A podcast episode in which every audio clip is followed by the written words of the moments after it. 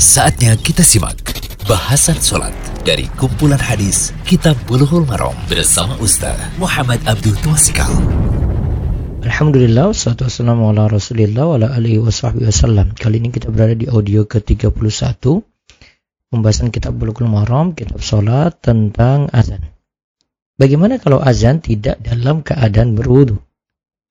Hadisnya kita bicarakan sini hadis ke-198 Walahu an Abi Hurairah radhiyallahu anhu anna Nabi sallallahu alaihi wasallam qala la yu'adzinu illa mutawaddi wa dha'afahu aidan.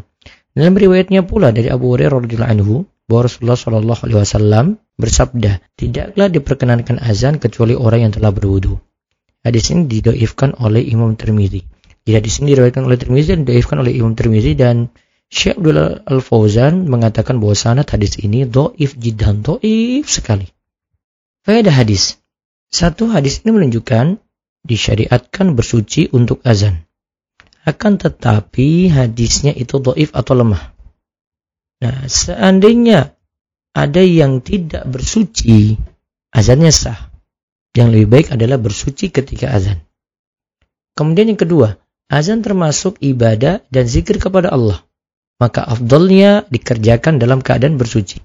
Maka zikir, uh, walaupun kita cuma subhanallah, alhamdulillah, Allahu akbar, lebih afdol dalam keadaan bersuci.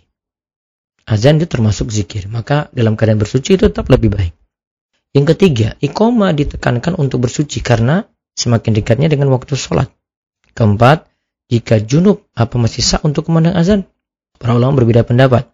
Ada ulama yang menyatakan azannya tidak sah dan menyatakan bahwa azan orang junub itu sah. Hal ini dikatakan oleh Ibnu Qayyim menjadi pendapat kebanyakan ulama.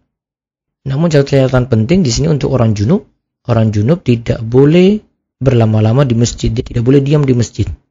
Kalau ke mana azannya dalam masjid, maka tetap baiknya junubnya itu dihilangkan. Wallahu a'lam bishawab.